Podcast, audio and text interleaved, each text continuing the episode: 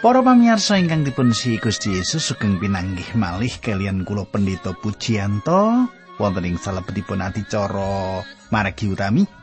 Adicara ingkang sampun dados kelangenan panjenengan lan kula badhe sesarengan kalian panjenengan kados padatan lan panjenengan kula suwun nyawisaken manah nyawisaken wekdal lan supados panjenengan saged pikantuk berkah saking adicara menika sugeng midhangetaken adicara menika.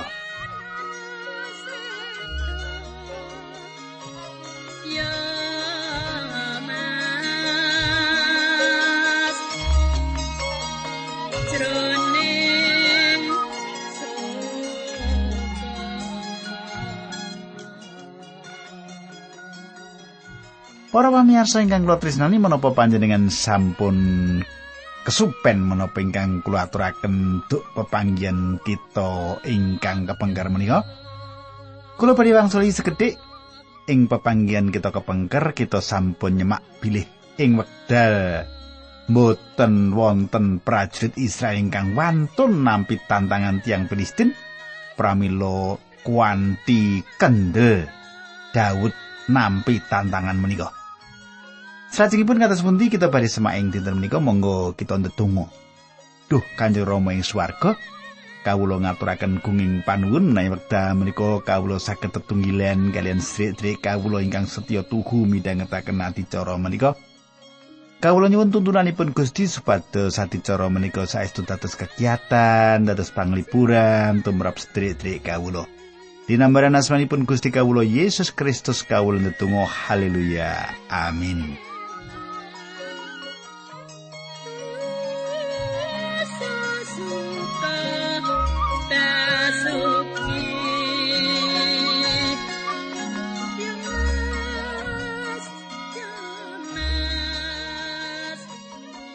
Para pamirsa samenika pasinan kita sampun ngantik setunggal Samuel bab 18 nggih. Setunggal Samuel bab 18. Kula wasaken setunggal ing basa Bedinen. Bareng wis rampung nggone Daud munjuk marang Sang Prabu Saul, galihe pangeran Yonatan cumantel marang Daud lan pangeran Yonatan tresnani Daud prasasat marang sarirani piyambak. Para pamirsa kita nyemak Daud terembagan kalian Saul. Saul nimbali Daud sesampunipun perang awit Saul gadah kekajengan nyukani pakormatan atas menapa ingkang sampun dipun tindakaken utawi jasanipun. Manut kula, Saul rumaos bilih piyambakipun sampun nyukani kekatan pikormatan sasampunipun menapa ingkang dumados lajengipun. Lan Yonatan larinipun Saul mirengaken menapa ingkang dados rerembagan antawisipun Saul kalian Yonatan ucuk-ucuk dipun pratelaken galihe pangeran Yonatan cumantel marang Daud.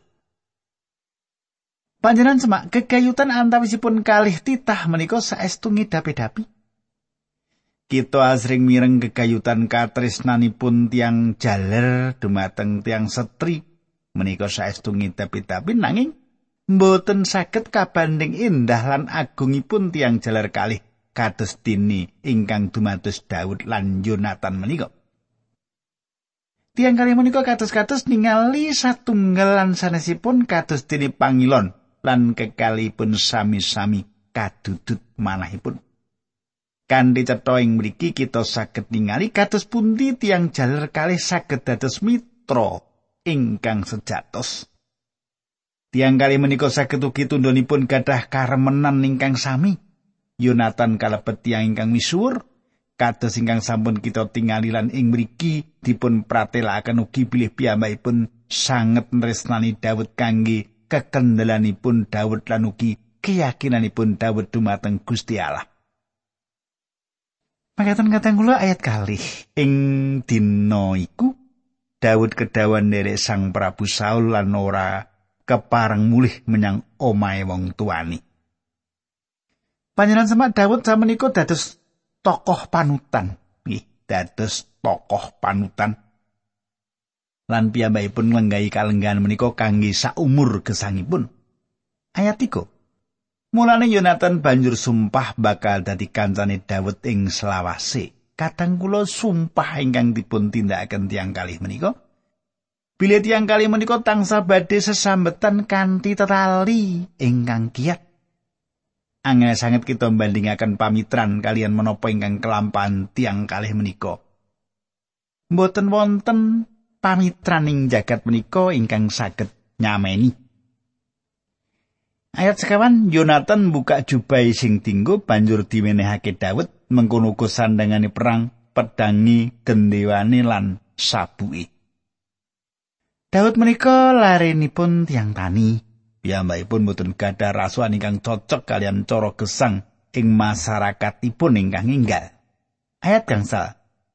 Daud maju perang lan tansah unggul menyang ngendi wae nggone kautus dening Saul Mulane banjur diangkat dadi senopati dening Saul, dene Daud ditresnani dening para prajurite kabeh sarta dening para kawulane Saul.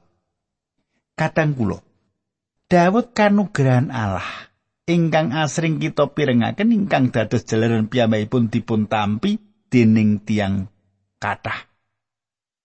Daud sejatosipun kalebet tiyang ingkang ageng. Kita sampun nyemak bilih Gusti Allah mirsani ing salebetipun manah benten kalian manungsa ingkang umumipun namung ningali saking tata lahir kemawon lan sampun tentu Daud ningali saking lebet lan saking jawi nang sinaosa kados makaten mboten ateges Daud mboten badhe nindakaken dosa kados ingkang badhe kita sinau mangke nanging manahipun Daud tansah tumuju dumateng Gusti Allah lan tiang remen perkawis menika. Samenika bab 18 tunggal Samuel bab 18 ayat 6 pitu wolu songo mekaten surasipun. Sawise ngalahake Goliat wong Filistin, Daud bali bebarengan karo para prajurit mlebu kutha, para wong wadon padha metu saka kutha-kutha ing Israel metokake raja Saul. Wong-wong mau padha menyanyi lan jejogitan karo nabuh terbang lan celempung. Karo bunga-bunga wong-wong wadon padha menyanyi mengkene, Saul wis mateni mungsuh ewon nanging Daud puluhan ewon. Krungu mengkono mau Saul nepsu banget tembungi Daud kok diarani wis mateni puluhan ewon mongko aku mung ewon wae. Sedilo meneh dhewe mesti didadekke raja dening wong-wong kuwi. Wiwit nalika dina kuwi Saul sengit marang Daud. Kateng kula Saul mboten remen mirengaken nyanyian inggal ingkang dipun nyanyikaken dening tiang-tiang setri ingkang nyanyi bales binales menika. Kenging menapa? Awit Saul gadah raos Mary dumateng Daud, awit tanggapan tiang kata lan ugi anggenipun nampi dumateng Daud menika. Saul Mary Mary dateng Daud nek wong Mary kuwi tundone sengit. Dados nek panjenengan Mary kalian sederek sanes, kameren panjenengan menika badhe ngombro-ombro dados sengit. Nah, cariyosipun terus lumampah. Kita badhe manggihaken kados pundi Saul badhe mbudidaya nyingkiraken Daud saking kawigatosanipun masyarakat kanthi cara nyirnakaken. Lan tambah dangu Daud dados karemenanipun tiang kathah lajeng Daud ningali bilih Saul mboten malih memitran kalian piyambakipun kados ingkang dumados saderengipun. Kadang kula menika dados wucalan kangge kita, nggih. Menawi kita memitran, kita sederekan, kita kekancan kalian sinten kemawon, menawi kita sampun tubuh raos meri kalian mitra kita, konco kita menika, wasalanipun kita badhe minggah dados sengit nek pun sengit tega mejai kados ingkang dipun tindakaken Saul menika. Kula lajengaken ayat sedoso. Esuke Saul ana ing kamare lagi nyekel tumbak. Dini Daud lagi main celempung kaya adate dumadakan Saul ditekani roh sing diutus dening Gusti Allah nganti ngamuk kaya wong edan. Kadang kula Lelampahan menika satunggalipun lelampahan ingkang mrehatosaken ing wekdal Daud main cemplungipun saling mriku nembe nyekel tumbak. Daud saged ugi saged nginten-nginten menapa ingkang wonten ing pikiranipun Saul, piyambakipun saged ugi gadah perasaan ingkang boten sekeco. Kula mboten mangertos nanging ujug-ujug Saul nyawataken tombak menika dateng badanipun. Ayat 11 Daud ndak tancep ning tembok gagasani banjur nlorongake tombake nganti ping pindho ngancam Daud nanging Daud tansah bisa endo. Kadang kula kita semak ing mriki cetha sanget bilih Saul saestu-estu gadah kekajengan nyingkiraken Daud kangge selami-laminipun. Nanging Daud saged ngindani tombak menika salajengipun Daud mlajeng saking Saul. Daud mlajeng medal saking kraton lan papan menika enggal-enggal. Ayat kang 11 16 bareng Saul weruh yen Daud tansah bejo, Saul saya wedi marang Daud. nanging bangsa Israel lan Yehuda kabeh padha tresna sebab Daud dadi panggedhe sing akeh jasani. Para pamirsa, Daud samenika dados tokoh ingkang dipun tampi dening bangsa menika. Saul pados cara kados pundi saged njebak Daud lan tundhonipun piyambakipun badhe ngginakaken cara ingkang julik. Saul paring janji dumateng Daud badhe masrahaken lari setrinipun ingkang naminipun Merab sauger Daud purun nyerang tiang Filistin. Pengajeng-ajengipun Saul, Daud saged pecah wonten ing peperangan. Emanipun Saul mboten netepi janjinipun. Amerap dipun sukaaken dumateng tiang jaler sanes. Monggo panjenengan semak salajengipun Saul badhe masrahaken lari strinipun ingkang langkung nem kangge Daud. Kenging menapa? Awit kanthi masrahaken larinipun setri menika badhe adamel Daud dados anggota keluarga lan Saul saged kepanggih kalian Daud kapan kemawon piyambakipun kapan kemawon sakajengipun kula mboten pitados bilih Daud saestu-estu tresnani Mikal raosipun kita iman sanget dene Daud kok gada istri kathah lan ingkang tentu Daud miwiti perkawis ingkang awon sesambetan kalian wanita menika Ayat kali doso, nanging Mikal putrane Saul liyane tresno karo Daud bareng Saul krungu bab kuwi banjur seneng banget. Katanggulo dipun pratelakaken ing mriki bile Mika tresnani Daud nanging boten katresnan ing satunggalipun katresnan bebrayan ingkang adamel satunggalipun bebrayan ingkang kasil ing kawitanipun ingkang wonten inggih menika katresnan dumateng satunggalipun pahlawan lan kamisuranipun badhe dumugi titi mangsanipun Mikal badhe ngolok-olok Daud lan bucal Daud awit anginipun Daud makantar-kantar dumateng Gusti Allah. Kadang kula samenika kita lumebet ing setunggal Samuel bab 19. Pasal menika kawiwitan satunggalipun perangan ingkang kula sukani ira-irahan Daud dipun disiplin. Secara pribadi Saul mbudidaya mejahi Daud salajengipun kanthi tinar buka Saul nyukani perintah supados Daud dipun pejahi. Sinaosa makaping-kaping Raja Saul mertobat saking rancanganipun mejahi Daud nanging gesangipun Daud wonten ing kahanan ingkang bebayani ngantos pejahipun Saul. Ing jaman bangsa Israel kabucal saged ugi satunggalipun jaman sadangunipun sedasa taunan. Daud dipun buru kados dene kewan alasan. Daud gesang ngumbara gesang wonten ing guwa-guwa lan ing ngororo samun piyambakipun nglampahi gesang ingkang rekaos lan tansah sesingidan nanging piyambakipun dipun dadar lan dipun latih ing salebetipun sekolah Allah piyambakipun nglampahi bucalan kanthi wutuh lan tulus kanthi gelar makna kumlut utawi gelar ingkang sae piyambak ing salebetipun kalulusan universitas ing jaman semanten Piyambakipun dados raja ingkang ageng piyambakipun ing Israel lan kalebet tiyang ingkang tansah madosi kados pundi dados keparengipun Allah. Saperangan ageng saking Jabur Dawud ingkang ngidapi-dapi dipun serat ing jaman gesangipun ingkang angel kateng kula. Samenika bab 19 ayat setunggal ngantos kali setunggal Samuel makaten suraosipun. Saul kondo karo Yonatan anake sarta marang sakaing punggawane yen dheweke arep mateni Daud. Nanging Yonatan tresno banget mulane banjur kondo karo Daud bapak kula ngangkah mejahi sampeyan. Dados kula aturi ngatos-atos mbinjing-injing sampeyan delik lan kula aturi tetep ing.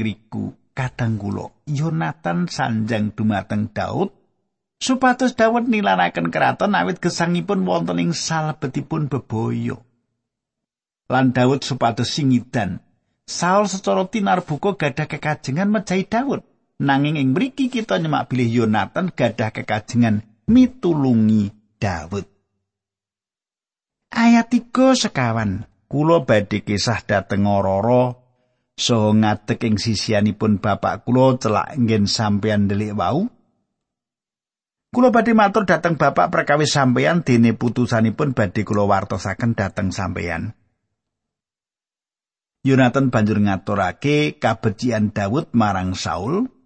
Ature bapak, bapak sampun ngantos damel cilaka dhateng abdi panjenengan Daud. Mergi piyambakipun boten damel kalepatan dhateng bapak malah kosok wangsulipun piyambakipun sampun damel kesainan kagem bapak. Kadang kula Yonatan gadah satunggal rancangan. Piyambakipun budidaya saged rembagan kalian bapakipun. Tiang kalih menika kisah dhateng Ororo lan Yonatan sanjang Dawud sayektosipun sampun mitulungi bapak piyambakipun menika salah setunggal pandherekipun Gusti Allah. Piyambakipun menika satunggalipun warga negari ingkang ngidapi-dapi saking kerajaanipun Bapak. Bapak kedahipun boten mejahi piyambakipun. Kateng kula ingkang kula tresnani, tiang menika nek wis meri sengit wis ora metung jasanipun. Buti saenipun ora ditung meneh sing ana Eh wong sing ndadekke aku meri tak sirnakno kanthi cara apa wae. Lho kados makaten menika manut panjenengan leres napa mboten? Sing dadi patrape Saul menika napa leres napa mboten? Wong kok ora ngitung budi sae jasane tiang sanes lelabuhane tiang sanes gampang banget awit meri kok dadi tegel niku kados pundi? gitu. Pramila pentingipun maos kitab suci menika ora kados mekaten menika ta. Kita saged sinau eh wong nek meri ora apik yo ya ora diberkahi karo Gusti Allah. Ah, tak sinau ngaturake panuwun karo Gusti Allah wae kedahipun kados makaten nggih. Kula lajengaken ayat gangsa 6 pitu. Piyambakipun sampun toh nyawa nalika mejahi Goliat lan Gusti Allah sampun maringi kamenangan ageng dhateng bangsa Israel lantaran piyambakipun bapak mirsani piyambak kedadosan menika lan nalika semanten bapak bingah. Dados menapa sebabipun bapak samenika badhe damel cilakanipun tiang ingkang boten gadah kalepatan srana badhe mejahi Daud tanpa sebab? Saul banjur nggugu aturi Yonatan lan banjur sumpah atas asmane Allah yen Daud ora bakal dipateni. Sawise kuwi Yonatan ngundang Daud lan nyritakake apa sing digunem mau, sebanjure Daud disowanake marang Sang Prabu Saul lan ngawula Sang Prabu meneh kaya wingi-wingi.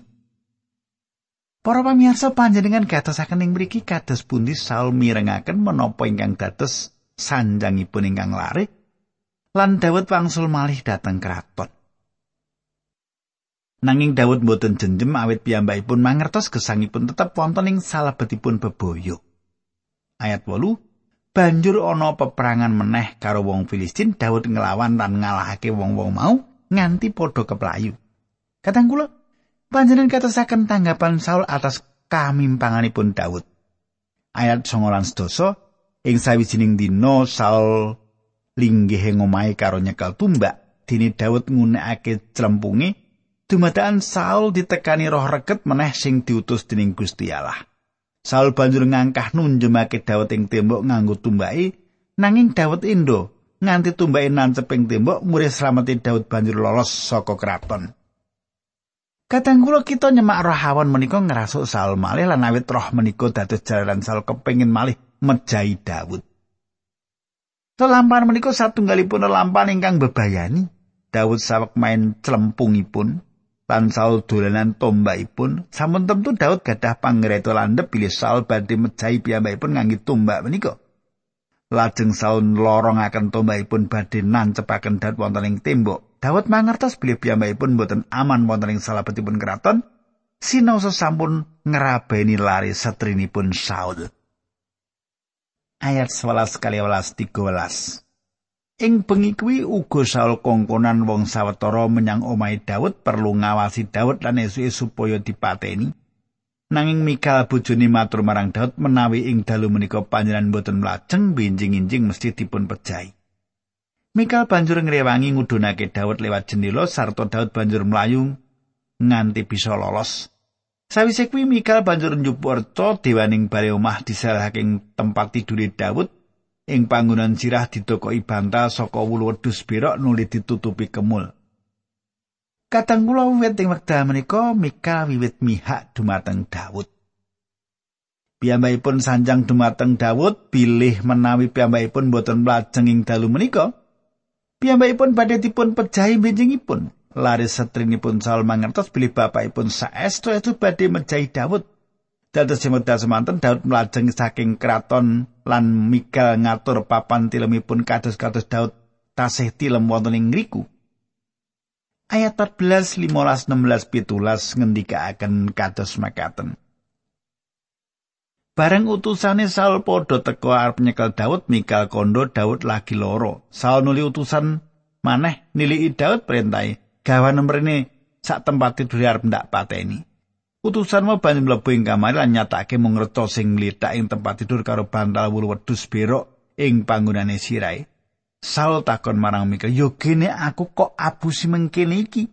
Mungsuhku wis kok tulungi oncat saka kene." Wangsulane Mikal, "Menawi kula mboten purun bantu anggenipun lolos, kula badhe dipun pejahi." Emedal Saul mangertos bilih piyambakipun dipun apusi, piyambakipun nuntut cetanipun saking laristrinipun.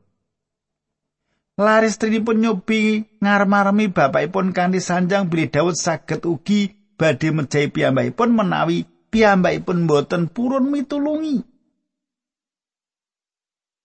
Ayat 18 sawise Daud bisa lolos banjur lunga menyang omahe Samuel ing Roma ngaturake kabeh sing ditindakake Saul marang dhewe Samuel lan Daud banjur bebarengan lunga menyang Nayot serta manggon ing kono. Kadang kula Samuel sampun njebati Daud minangka raja gesangipun ugi wonten ing salebetipun bebaya Saul samenika secara tinar buka mbudidaya mejahi Daud wiwit medal. Menika Daud dados tiang buron laron kados pundi mongso temi Daud ing medal makaten Daud badhe mlajeng ngantos Saul pecah. Kadang kula ingkang tresnani kalajenganipun kita lajengaken ning dinten candhaipun nggih.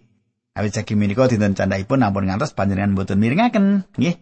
Nah kata kula kita ndedonga rumiyin saderengipun ndedonga kula badhe ngaturaken salam rumiyin nggih. Niki wonten serat-serat nggih, serat-serat rada akeh tak wacake siji-siji nggih. Salam kula kula aturaken dumateng Bapak Rasiman. Nggih, Bapak Rasiman menika Gandrung Mangu. Nggih, dusun Gandrung Mangu. Nah, Bapak Rasiman mugi-mugi panjenengan mugi sesarengan kalian kula nggih. Salam kangge keluarga panjenengan Pak Rasiman, monggo kita ndedonga. Kanjeng Rama swarga kawula ngaturaken kuing panuwun menawi dalem menika kawula saged mirengaken dawuh pangandikanipun paduka lampan-lampan ingkang kawula saged sinau. Kawula pasrahaken gesang kawula supados dipun tuntun kalian Gusti linambaran asmanipun Gusti Yesus Kristus kawula ndedonga haleluya amin.